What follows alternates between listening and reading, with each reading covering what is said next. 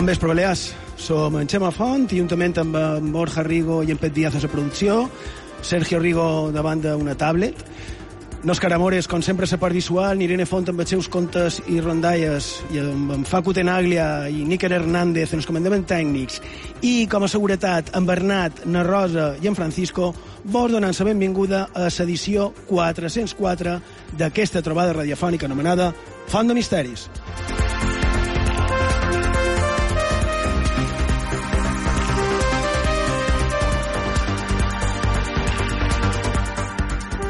Bon vespre, Borja Rigo. Bon vespre. Sergio Rigo, bon vespre. Bon vespre, Xema. Com va? Bé, mira, jo crec que... Ara ho estava comentant. Eh, jo crec que deu ser la primera vegada en la història d'aquest edifici on estem que es fa un programa de ràdio on el protagonisme el té eh, el propi edifici i on no hi ha cap altre motiu que el d'un grup d'amics reunits entorn a la ràdio pública per conèixer una mica més la nostra història, el nostre patrimoni, també públic, i fer-ho aprofitant aquesta increïble i històrica ubicació.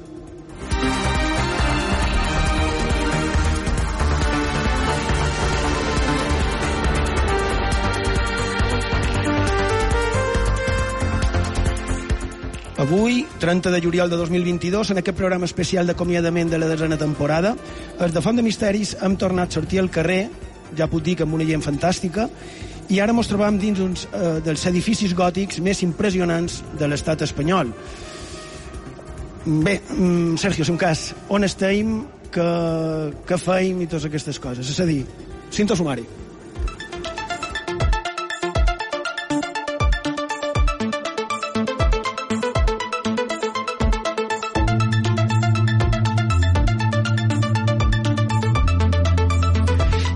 Aquesta hora que tenim per davant, Xema Borja, la dedicarem, com no podia ser d'una altra manera, a parlar de la història, els misteris i les llegendes que envolten aquest edifici en el qual acabam aquesta desena temporada de Font de Misteris, la llotja de Palma.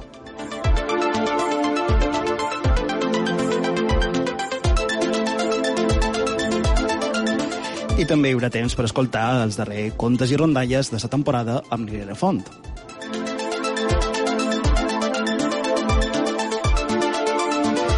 Com cada setmana recordam als oients que ens podeu enviar tot allò que vulgueu en els nostres mitjans de contacte. Recordant aquest punt que també durant tot el mes d'agost ens podeu enviar tot allò que vulgueu. I ho podeu fer en el WhatsApp i Telegram del programa. El número de telèfon és 659 16 69 52. Ho repetim, 659 16 69 52. També ho podeu fer per correu electrònic fontdemisteris arroba ib3radio.com. Ho repetim, fontdemisteris arroba ib3radio.com. També mos podeu seguir a les xarxes socials, a Facebook i a Twitter ho podeu fer cercant Font de Misteris. També a Instagram, allà mos trobareu cercant Font de Misteris i Vetres. I si voleu podeu recuperar tots els nostres programes d'aquesta desena temporada i de les anteriors. Ho podeu fer en el servei la carta d'Ivetres Ràdio, a ivetresradio.com, a les diferents plataformes de podcast i a la nostra plana web fontdemisteris.com. Bé,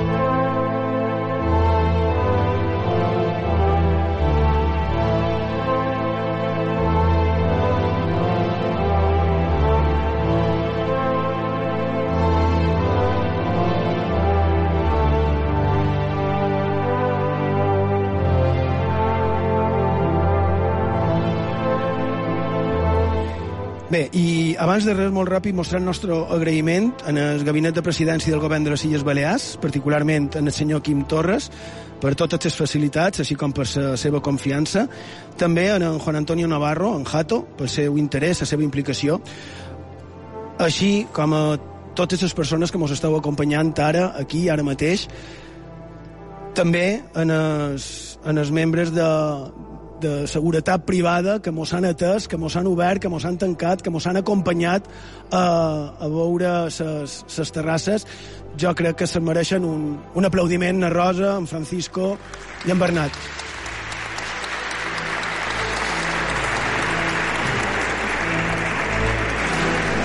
I que, a més, mos han contat històries que no direm ara, però que són francament, francament interessants i que conviden a fer una, una bona investigació d'aquestes que tant mos agraden. Borja, ho duc tot apuntadet per no sortir mort de mare. I tu ja comences a anar-te'n per les branques. És que sempre estàs igual. I no veig ni deu. I de, deixa't anar. Um, Bé, nosaltres, vull dir, tots els que estem ara aquí, tenim la sort que avui l'han visitada i, i a més excepcionalment i que, i que ha valgut i que ha volgut també ha pogut no? pujar a les terrasses. Però pel que no coneixeu la llotja, dir que és visitable, a més, de manera gratuïta, ara, eh, durant l'estiu, de 10 i mitja a una i mitja de, del migdia i de 4 a 9 del vespre, i després a Sivent fins les 7 del cap vespre.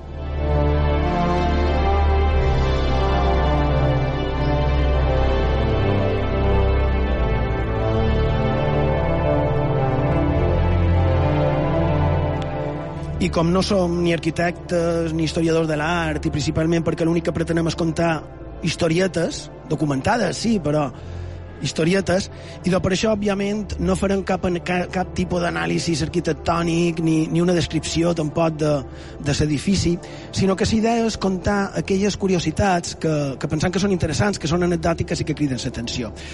Que, mem, és vera que de l'edifici podrien dir mil coses, com per exemple, vos heu fixat en, en aquestes columnes que teniu aquí, vos heu fixat que no tenen ni base ni capitel i que comença a fer com una espiral i que l'espiral quan arriba a dalt, cadascuna d'aquestes se difumina dins els arcs que hi ha a dalt. Crec que és curiós i que val la pena fixar-s'hi.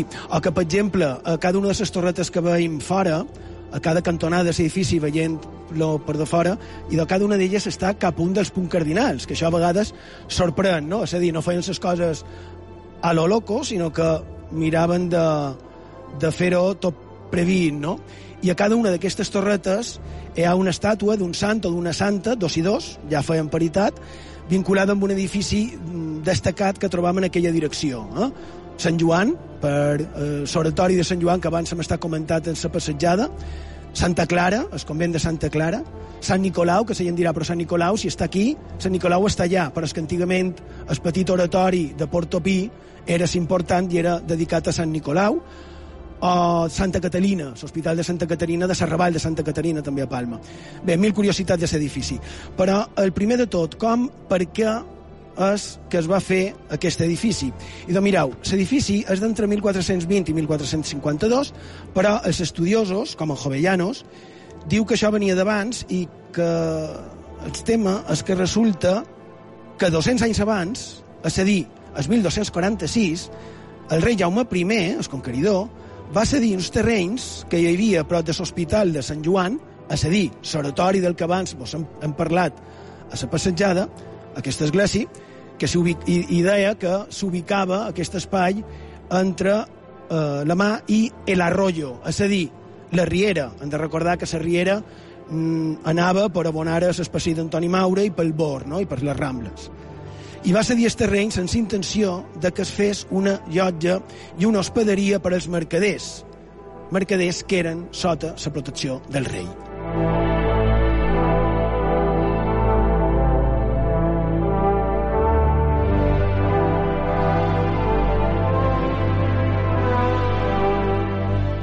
Així tenim que el rei, així tenim que el rei fa una descripció de, del que vol i on ho vol.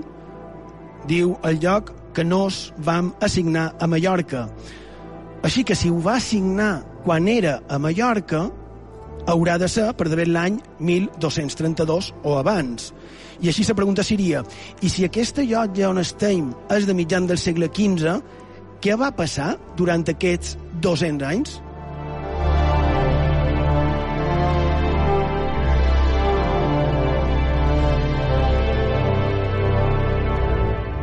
I de la veritat és que no es sap en certesa. És curiós, pens que, pens que és curiós.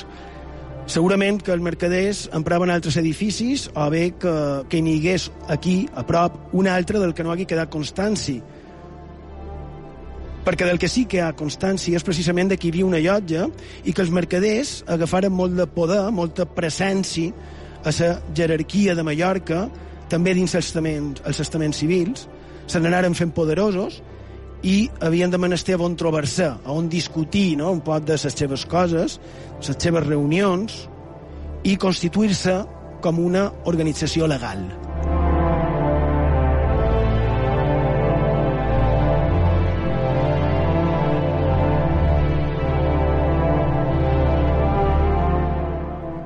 perquè encara que hi hagi que pensi que queixa era l'antiga llotja del peix, la veritat és que sembla que no.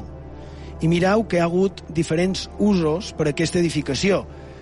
Per aquesta edificació que està considerada com un dels millors i més fantàstics, impressionants edificis civils del gòtic a Espanya. Eh? Així ho diuen els entesos. Però, fins a bon ser, mai ha estat, eh, mai ha estat emprada per la comercialització de, del peix. Aquest era pels mercaders pels negociants, com si fos, podríem dir, el que actualment coneixem com una borsa. I és que borsa, borsa i llotja serien com a sinònims. I aquí una altra curiositat, l'origen de la paraula. Segons el Diccionari Català-Valencià-Balear, quan cercant llotja, mos cita altres variants, com lotja, lògia, lonja, lòngia... A què vos sonen totes aquestes paraules? jo el primer que se me va venir en el cap va ser lògia, una lògia. Eh? És a dir, cadascun dels grups en què es divideixen els francmaçons sota la presidència d'un venerable, o bé el local on es reuneixen cadascun dels dits grups. I és que, personalment, crec que el poder que tenien era molt, molt, molt important. No oblidem que molts del que es dedicaven en els mercadets eren també militars i precisament per aquesta relació amb el poder és que se va acabar fent aquest edifici.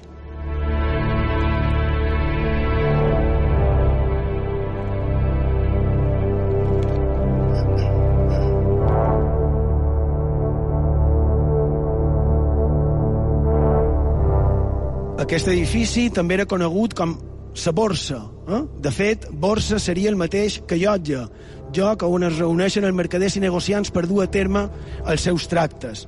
Però sabeu quin seria l'origen de la paraula borsa? Borsa, el que entenem tot per borsa, no? Jo pensava que era per bossa, per una bosseta, no? que és, seria per xaquet, val? però segons en Carlos Fisas, l'historiador, és de Històries de la Història, es va popularitzar, se va popularitzar el nom, diu, a partir del siglo XVI y procede de las reuniones que en Brujas, en Bélgica, se celebraban en su casa cita en la Plaza Mayor. Los mercaderes de la família Van der Burse. És a dir, que el que coneixem com a borsa és pel ginatge d'un senyor de fa 500 anys. Ja dic, curiositats.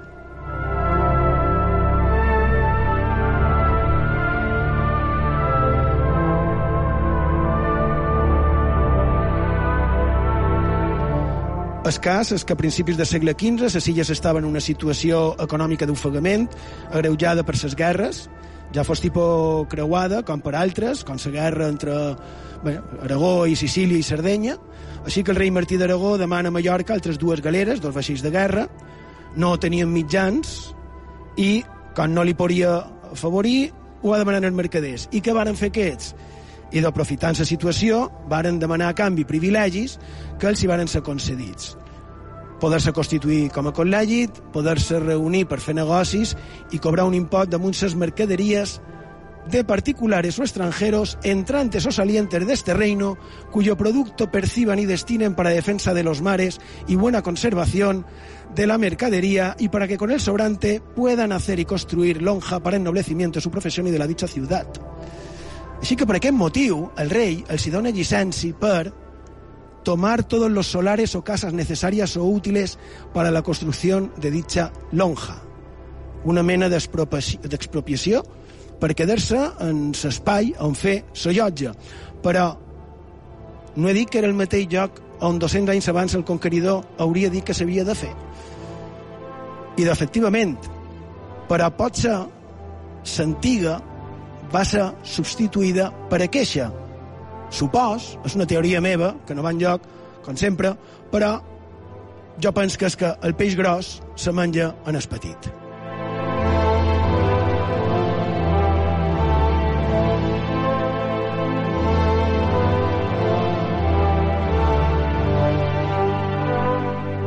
I entre qui ara en escena, en Guillem Sagrera, el famós arquitecte, el gran constructor, que es compromet a fer el que tenim ara, eh?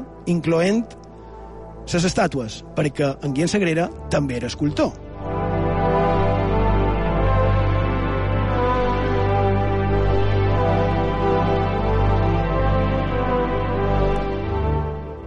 Però un altre enigma que es planteja és que quan en Guillem Sagrera es compromet a fer les obres, sembla que ja estaven començades això s'estreu dels escrits d'en Jovellanos. Diu, no se trataba de empezar, sino de continuar y concluir un edificio ya empezado.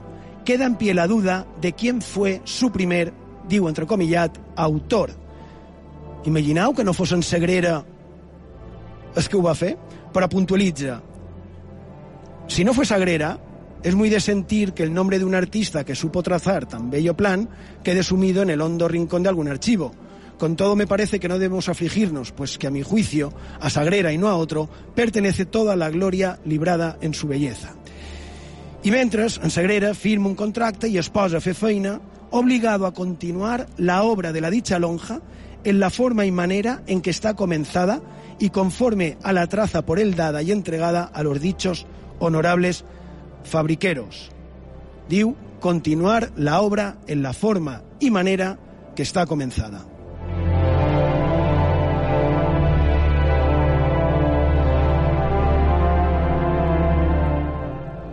En el final va tenir pleits i mogudes en Guillem Sagrera amb el Mercaders. Es creu que és perquè no li va sortir rentable. Segons en Minimelis, que era un historiador del segle XVI, en Sagrera tenia un problema amb el que va cobrar, en la quantitat que va cobrar. Se quejó de engaño y perjuicio en más de la mitad, siendo el precio ajustado entre ellos de 15.000 ducados.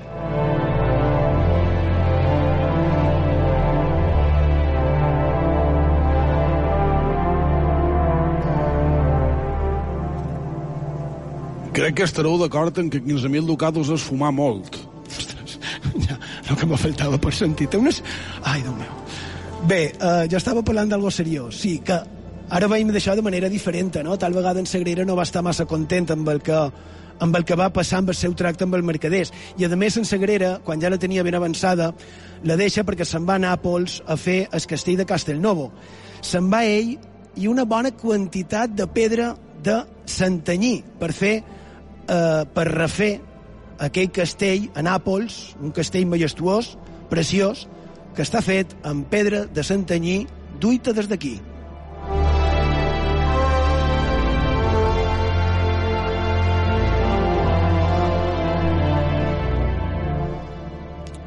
Al igual que el castell de Baiva, la Seu i també la, la llotja, clar, que per cert existeix la teoria de que la pedra d'aquests edificis monumentals i també que algunes de les cases fetes en aquella bonçà eren vernissades, es vernissaven, posaven qualque tipus de vernís. Això seria massa llarg explicar-ho i molt complicat, però tal vegada és per això que han arribat en tan bon estat?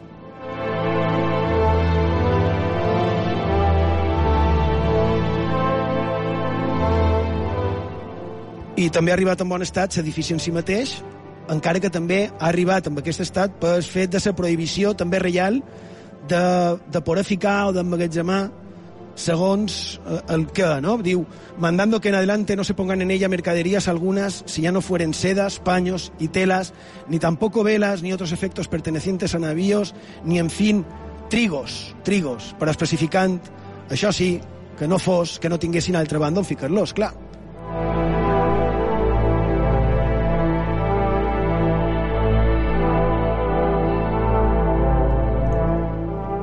Però és que cercant llibres i cròniques que parlin de la construcció de la llotja Bonestein i de la constitució del gremi de mercadors, he trobat també una curiositat. Resulta que aquest, i de fet hi ha encara el carrer dels boters, aquest era el carrer, el carrer i el barri del gremi dels boters, dels boters i dels fusters. I clar, quan feien feina feien renou i molestaven en els mercaders. I què varen fer? I de, com deien els mercaders, que ni et sentien ni, ni, ni s'entenien quan es reunien, pensem en les borses actuals, y da, pidieron el permiso de tomar dichas casas por cuenta del colegio para arrendarlas a quien le pareciese. A todo esto lo cual condescendió benignamente aquel soberano, en Alfons V. Els mercaders anaven agafant poder, no? La seva llotja era objecte d'enveja i d'admiració, i de fet, això és un tema que no tothom sap, mm, unes dècades després, jo crec que per aquesta enveja, es va fer la famosa llotja de València, que està basada precisament en aquesta, no? I cent anys després va passar una anècdota, Sergio Rigo. Efectivament, Xema, jo volia comentar una petita curiositat d'aquest edifici. De fet, aquesta observança que es coneix l'edifici, no? la persona que ve aquí encara no coneix aquest edifici diu això de quina església més guapa, no? I de, efectivament, no estem a una església, com podeu adivinar, estem a un edifici civil, que també ho hem comentat. Hi ha una curiositat molt interessant relacionada amb aquest edifici que podem trobar a un llibre imprès l'any 1542 que se titula Llibre de la benaventurada vinguda de l'emperador i rei Don Carlos a la seva ciutat de Mallorques, on se pot llegir la sorpresa que li va causar en el rei a la seva arribada a Palma aquest edifici en el que estem avui. I, lògicament, se va plantejar això, si era una iglesia o no. Diu aquest llibre que quan se li va dir que no, que era un edifici on els mercaders i els comerciants feien les seves transaccions, va dir al rei que això deia molt de la cultura d'aquell poble enmig de la mà. Què vos pareix?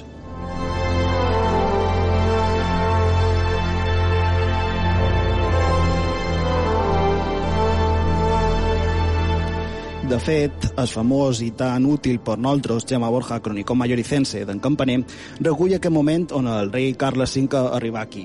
Diu així, entró el emperador por la plaza de la Lonja, edificio que le llamó la atención, y preguntó si era iglesia. Calle de San Juan, donde los defensores de la mercadería habían construido otro arco triunfal, con muchos adornos y jeroglíficos. Al sol y de la sal, calle de la sal del procurador real, don Francisco Burgués, Borne, cuyas ventanas estaban llenas de señoras principales. Y en este punto exclamó el César, «Oh, qué buenas calles, como parecen bien. ¿Será esta ciudad tan grande como Barcelona?» Per cert, a part d'això que comentava en Sergio, hi ha una, una rapidíssima curiositat d'aquest Carles V, i és que des de la distància que hi ha entre l'actual Ajuntament de Palma i la seu no va voler de vallades cavall, no va voler anar caminant, deien que perquè tenia morenes. No sabem si era més còmode anar en cavall o anar a peu, però la qüestió és que som se va estimar més no fer-ho pel lo que fos. Bé, crec que el, el que, el que sí. podem fer ara és, uh, Facu, si vols, feim una petita pausa i tot d'una continuem aquí a Font de Misteris, a IB3 Ràdio.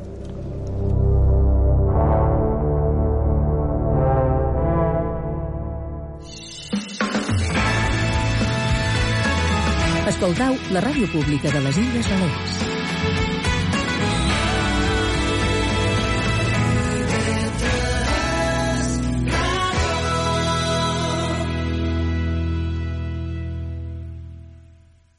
De 8 i 47 Són minuts. les 8. Passen 24 minuts de les 10 del matí. No importa quina hora és. Amb el servei a la carta d'IV3 Ràdio pots recuperar l'entrevista que t'has perdut, tornar a escoltar el programa que t'agrada. Fins i tot pots muntar-te una programació feta a la teva mida. ib3.org barra carta.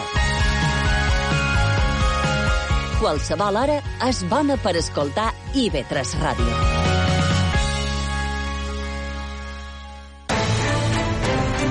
Al migdia actualitzam tot allò que passa a les Balears i al món, amb connexions amb els diferents punts informatius. De dilluns a divendres a les dues, Informatiu migdia. IB3 Ràdio. Serveis informatius.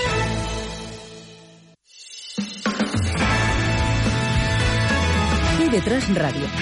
La ràdio pública de les Illes Balears.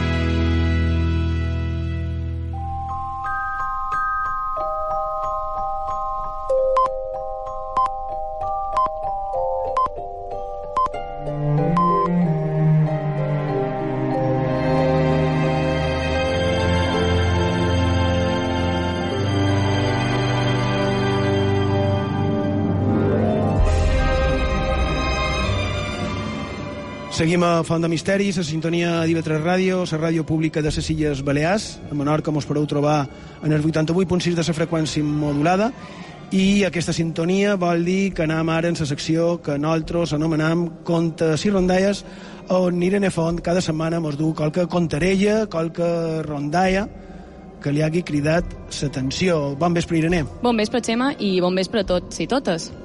Bé, per avui, com no podia ser d'altra manera, per aquest programa especial, a un indret tan fantàstic, he cercat qualque història que pogués estar de qualque manera relacionada. I la veritat és que tampoc tan massa fàcil.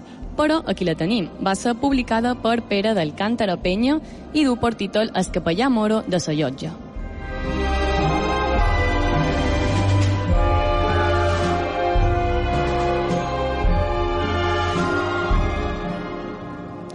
Jo diria que per tots s'ha sabut que fa anys, passem uns 300, les nostres illes eren objectiu constant de pirates, al igual que els nostres corsaris feien el mateix a altres bandes, principalment contra la barbaria, on ells tenien captius cristians, i aquí els teníem dels anomenats moros, i damunt d'això va aquesta rondalla que Alcántara Penya deia que era un fet verdader, i d'aquesta conta tal que així.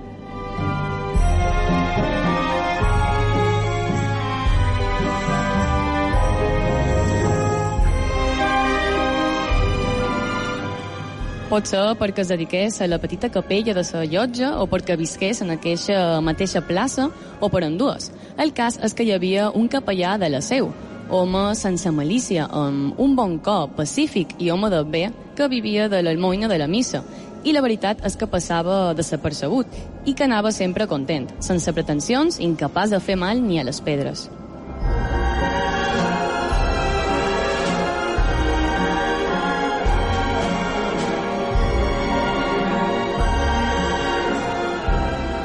Un vespre sortia de la seu i es va trobar un moret plorant damunt d'un baciot d'aigua amb una llerra feta bocins en terra. Jamet, què tens? Per què plores? li pregunta el capellà. Ai, contemplo la meva desgràcia i me veig penjant d'escorrecull més alt de la forca de Mallorca. I quina has feta, Hamet? Que no veus? He romput la llerra. I per una cosa tan tènua creus tu jo que t'han de penjar? I Hamet, bé, aquest nom era el que es feia servir quan no coneixien els esclaus maometans i Dohamed li explicà que el seu amo era violent, una mala ànima, sense miraments, que agafaria la verga de bou i li fotria una pallissa, i que ell, Hamed, no toleraria i, clar, el mataria i, en conseqüència, el penjarien a la forca.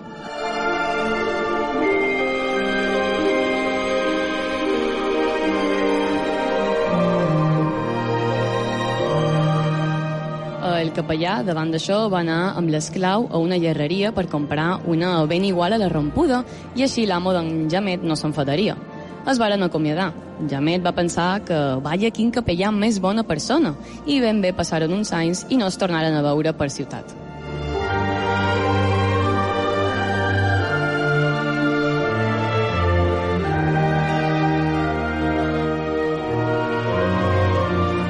El capellà de sa llotja tenia una neboda que vivia a València, que estava embarassada i sempre li deia al seu tio que anés a veure'ls. Així que ell, un bon dia, es decidí. Se n'anà al mollet que hi havia just aquí de vora i cap a València. Però quan eren per davés les illes Malgrats, els hi sortí una galiota i en poques hores tots foren presa de moros i plens de grillons i cadenes varen ser enviats a Ller, on arribaren dos dies després, on, com era habitual, foren posats a la venda com esclaus. El capellà, resignat amb el que havia de ser, per lògica, el seu inevitable futur i amb només la companyia del patró del vaixell, que era pres amb ell i que no feia més que maleir, el capellà tractant de tranquil·litzar-lo i en aqueixes que els compren a tots dos. El pirata li va dir que li fes quedar bé, que l'havien donat una bona quantitat de doblers i que tal vegada deixaria de patir i de menjar cuscús, que és l'únic que li donava de menjar. I se'l duen cap a cal seu nou amo.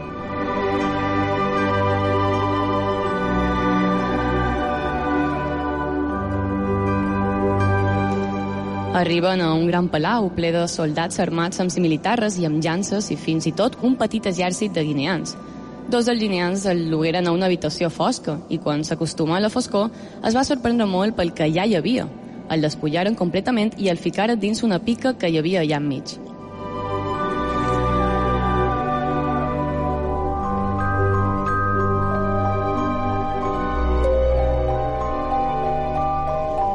Un pic ben fregat i net l'afeitaren, fins i tot li feren la corona com un religiós que era.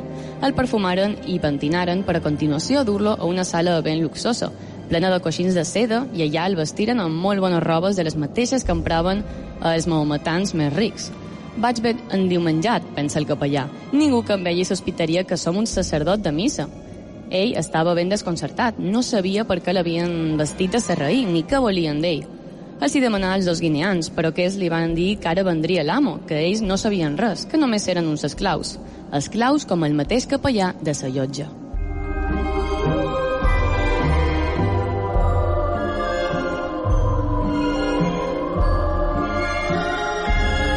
Els guineans li diuen que pot ser el que volia l'amo era fer-lo capatàs dels esclaus, cosa que ell no li va fer gens de gràcia perquè això de pagar amb el bastó no li anava. Li diuen que quan vegi, vegi l'amo es posi de lloneons i li digui salam aleikum. I just en aquell moment entra aquell que li havia comprat. Els dos guineans venga a fer reverències i el nostre protagonista, tot nerviós, que no sabia què fer, comença a tremolar quan el seu amo li digui en bon mallorquí que Alà que pot doni vida i prosperitat al bon capellà de Mallorca. Senyor, contestà, perdoni la meva ignorància. Jo, davant vostè, estic com un escarabat entre borres. No sé què de dir ni què de fer. Si és el meu amo, me mani feines i l'obeiré de mil amors. Per ara no hi ha dubte de que som el vostre amo, però per poc temps.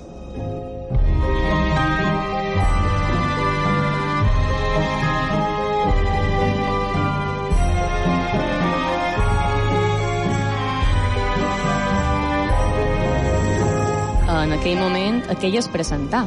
Serà possible que ja no mos en recordeu d'en Jamet que rompé una, una llarra a la costa de la seu? Beneït sia Déu. Sí, sí, ara et conec. Jesús, sí que has tornat de gran. Tu ets un home fet i acabat. A més, amb aquesta barba tan negra com volies que et conegués. Conta'm, conta'm, com és això que jo he parat a ser un dels teus esclaus? Ell li explicà i li digué que l'havia comprat, juntament amb el patró, per tenir-ho com a convidat fins a alliberar-ho, però que per això havia de fer una cerimònia pública i que la farien l'endemà, i que després seria lliure per anar on volgués.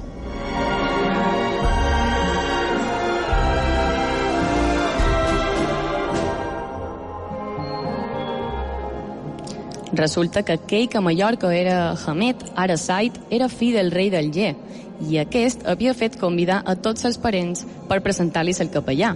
Imagineu aquell capellanet de sa llonxa davant de tot l'hereu del Lle, però havia d'acceptar, i més encara ell que fins a aquella cerimònia encara era un esclau.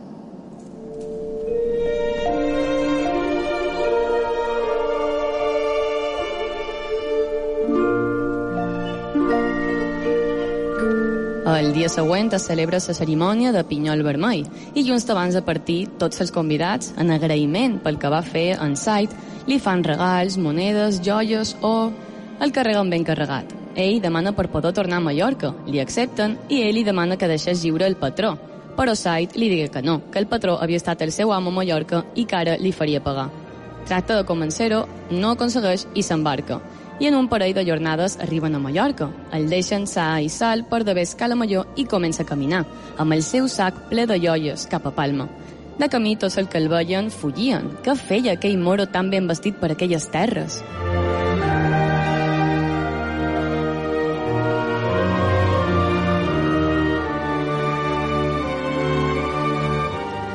Es troba a dos que el coneixien, que podem imaginar quina sorpresa veure el capellà vestit com un ric serraí amb aquell sac. La sorpresa per a tothom va ser ben grossa. Li acompanyen fins a seva i com a recompensa els hi dono un premi per la seva ajuda.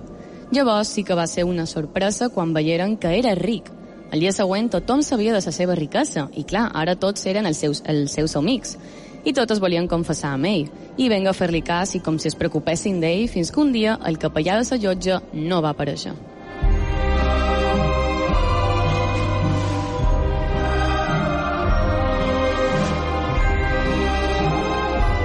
Fins que saberen el per què de que aquell dia no hagués comparegut, i era que acabava d'arribar la seva neboda de València, amb el fill petit. S'havia quedat viuda i per estar ja tota sola vingué a estar amb el seu tio, per cuidar-ho, que ja era major. I clar, això va fer que la majoria que se li havien atracat pot doblers, clar, desaparegueren totalment, a excepció dels seus amics de sempre, que seguiren com si no res.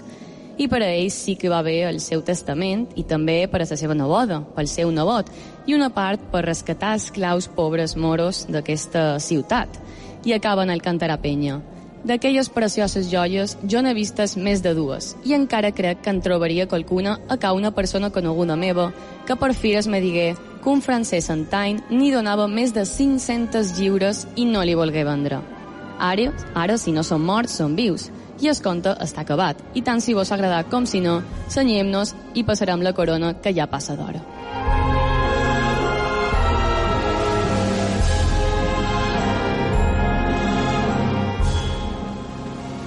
I de molt xula, Irene. I, I molt resumida perquè era ben llarga. I de... tens tota la raó. I com has dit, ja passa d'hora. Gràcies, Irene. Gràcies a tu, Xema, i fins la propera temporada.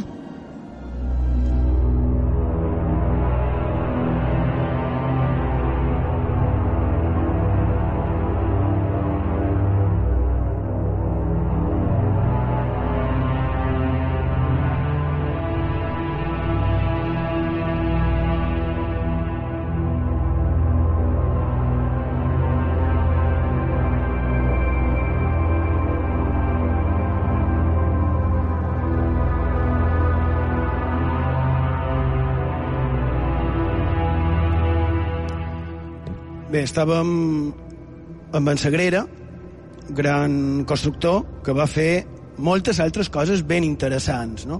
algunes de les quals, evidentment, s'han perdut. I d'altres també han perdut la seva funció inicial. Com ara és, per exemple, la sala capitular de la Seu, que ha canviat la seva funció, Borja, per una particularitat, podríem dir. I de, efectivament, l'antiga sala capitular de, de la seu ha canviat una miqueta la seva funció. Va passar de ser aquell indret, aquell lloc on se reunien els canonges en capítol, d'aquí el nom, eh, a part, eh, ha passat a ser part de, del museu catedralici, perdó. I però, quin va ser el motiu pel qual els canonges varen deixar d'emprar aquesta sala? I la té a veure amb un personatge fascinant de la nostra història que va ser un bisbe, en Gil Sánchez Muñoz, que abans de venir a Mallorca havia estat, com a ofici, ni més ni manco que antipapa. Ja la nostra illa va ser responsable del final oficial dels jueus a l'any 1435. Va morir a l'any 1446 i va manar ser enterrat a un sepulcre precisament col·locat ben enmig de la sala capitular. Com no s'aduia gaire bé en sos canonges, a partir d'aquest moment la sala va deixar de ser emprada per aquesta tasca. Però hi ha un punt més. Va manar en Gil Sánchez que una vegada enterrat el seu capell fos col·locat en el sostre, imagineu aquí, en el sostre de la sala, damunt la seva tomba. Pensava que a través d'ell podria veure, com si fos una espècie de càmera, des de l'altre món, des món dels morts, el que passava en el món dels vius. I com a contrapartida, els canotges feren una espècie, ho podrien dir, de, de maledicció. Perquè varen dir que mentre el capell estigui allà col·locat, l'ànima del bisbe mai arribarà en el cel. Si anau, de fet, en el museu de la catedral i entrau a la sala feta per Sagrera, veureu el capell així que no vos estranyi si per lo que fos, que mai se sap, vos topau en so fantasma de Santi Papa Gil Sánchez rondant per allà.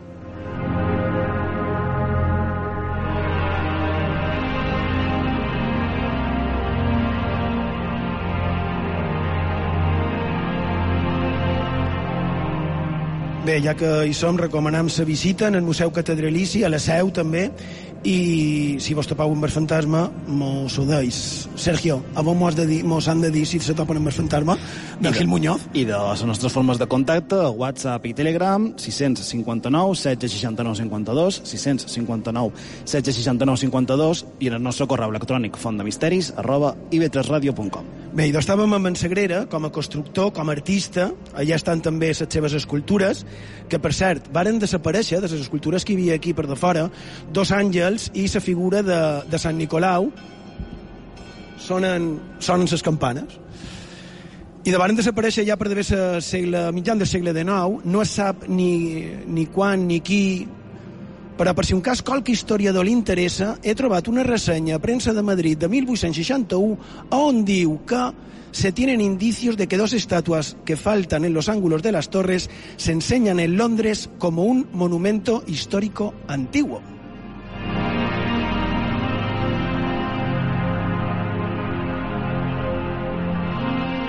Per jo, per jo el més estrany és que només hagués desaparegut això, perquè en tot el que ha passat per aquest espai durant sis segles, massa bé mos ha anat.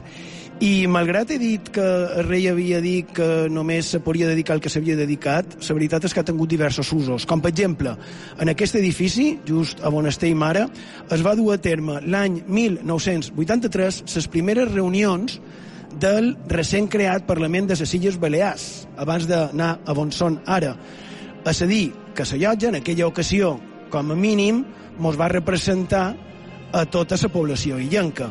O una altra, eh, va ser una assemblea que es va fer aquí l'any 1900, 4 de novembre, les persones més il·lustres de les illes, molts dels assistents que varen venir tenen carrers en el seu nom, en, el, en els nostres municipis, poder civil, militars, eclesiàstics, tothom aquí per decidir ni més ni manco que fer un monument en en Ramon Llull. Eh? Això ho va contar en Jaume Noguera en el Mira Perona i Vetres Televisió. I de, en aquesta reunió, eh, per exemple, aquestes foren les paraules del Bilba Campins. Ramón Llull es el hombre de la fe ardiente y por tanto digno del grandioso monumento proyectado. Ha sonado el nombre del monte de Randa, la idea soberbia digna del héroe mallorquín y bien distinta de lo que se encuentra a cada paso aún en las grandes ciudades. I és que havien pensat posar-la entre la seu i la llotja, però pensaren que quedaria com a deslluïda. Volien fer una cosa diferent. I va dir en Alexandre Rosselló, aquí mateix fa 120 anys, Por esto es que creo que hemos de levantar el monumento alto, muy alto, como se merece el hombre que todavía en nuestra tierra no ha sido superado en ningún concepto. La figura es gigantesca, que sea gigantesco el monumento que erijamos en su memoria.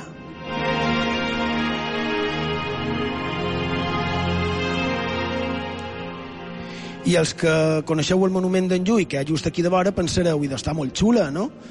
Aquí on està? Mm, just en el principi precisament del passeig Sagrera, aquí a propet, i no queda deslluïda per la seu i la llotja, ans al contrari. Però és que aquesta que tenim ara no era la idea que va sorgir d'aquesta reunió que es va fer aquí l'any 1900. La idea era posar-la en el cim de Randa, posar allà una estàtua d'en Ramon Llull, no com la que ja hi ha, sinó una del tamany de la Torre Eiffel, de 300 metres d'alçada. Vos imagineu?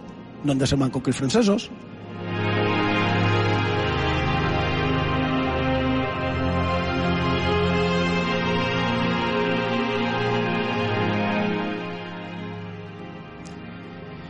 I parlant de francesos, anem amb ells en els darrers moments. Um, la guerra de la independència, quan el poble espanyol decideix fer fora d'Espanya en els francesos, mos duen captius de Cádiz, ningú els volia, uns els envien a Canaris, els altres cap a Balears, ja havien enviat uns quants i eren en el, en el castell, quan arriben aquí alliberen per manca d'espai en els civils, gent normal, gent coneguda, que havien ficat dins presó que eren el corter de la llotja, que estava ferrat en el cantó cap a llevant, diguéssim, i, i els varen alliberar perquè varen arribar a aquests presoners francesos.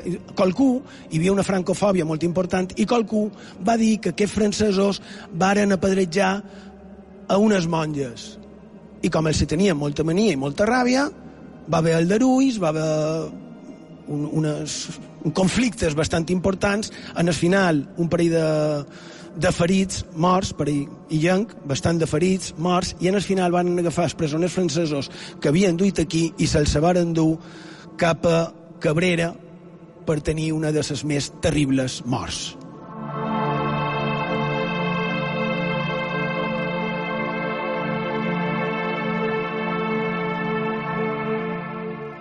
He dit també que el rei va dir que no se podien fer segons quines activitats aquí dintre i de durant també la guerra del francès no se li va ocórrer una altra que fer aquí de dins una fàbrica. De què? Una fundició de canons per la guerra contra el francès.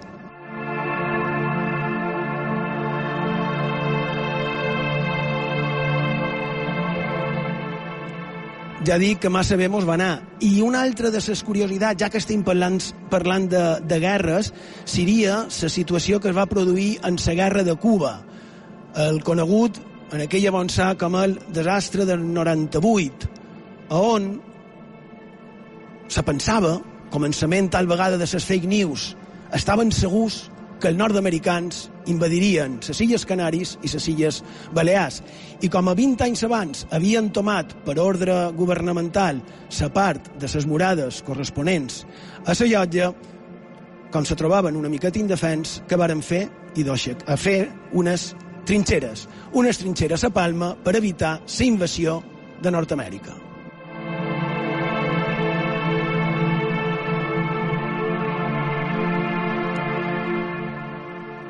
Pot semblar exagerat, aquesta, per exemple, això que he dit dels americans, Però, més endavant, a Font de Misteris, a la temporada, recolliré aquest tema perquè la veritat és que va ser molt curiós. Fins al punt, per exemple, que el bisbe va autoritzar a sortir a les monges de clausura quan començassin els bombardejos.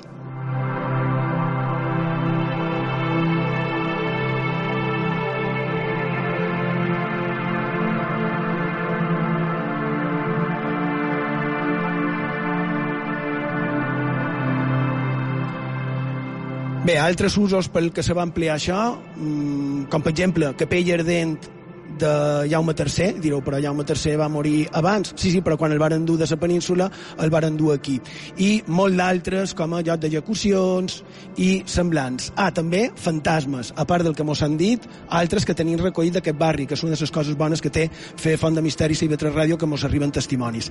Jo crec que haurem de començar la propera temporada amb més coses de la llotja. Vos sembla lots? Crec que és un pla ben, ben pensat perquè queda, evidentment, moltíssim per, per comptar.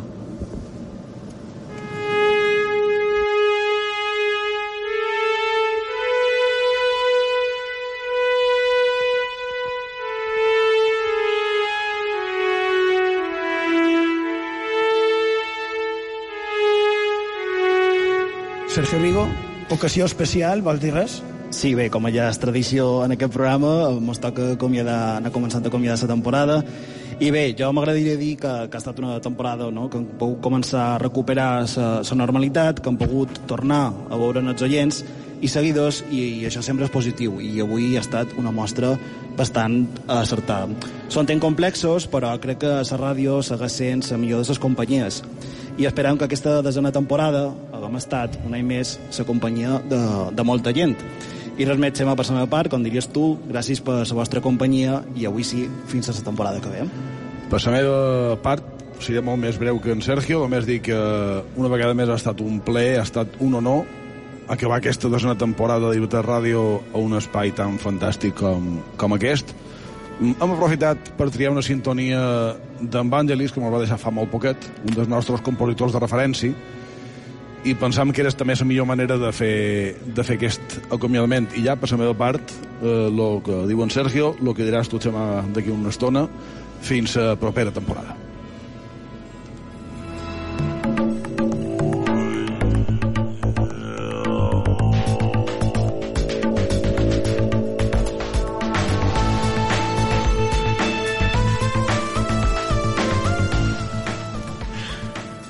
I d'hem arribat a la fi del programa d'avui. Esperem que hagueu passat una estona agradable i que hagueu pogut treure qualque cosa de profit d'aquesta font de misteris.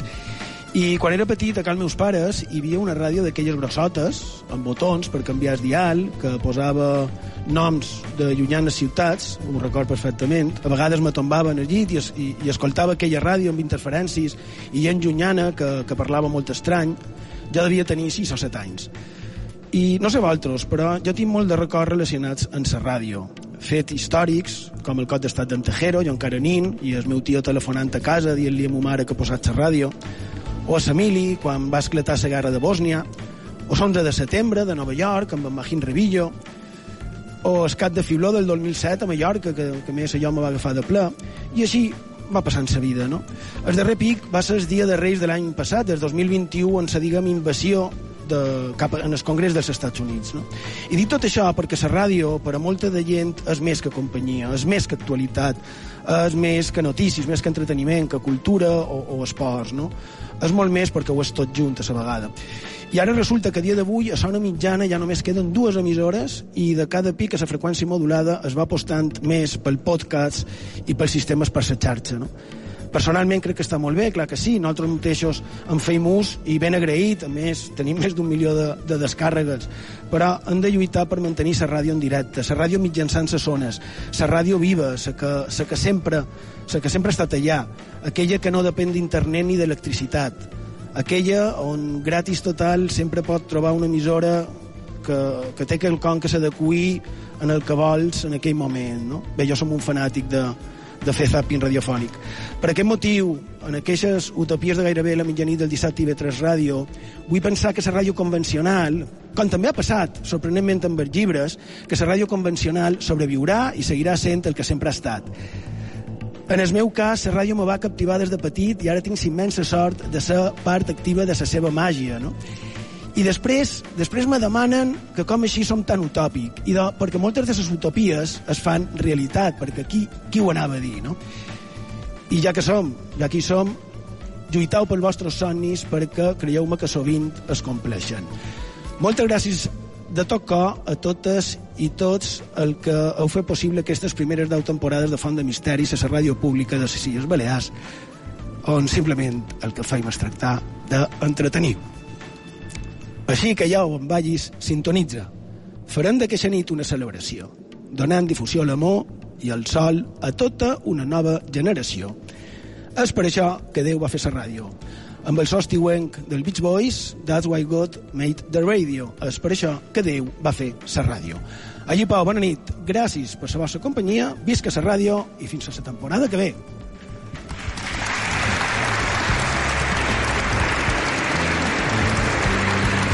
Moltes gràcies. Gràcies a vosaltres. Gràcies a vosaltres.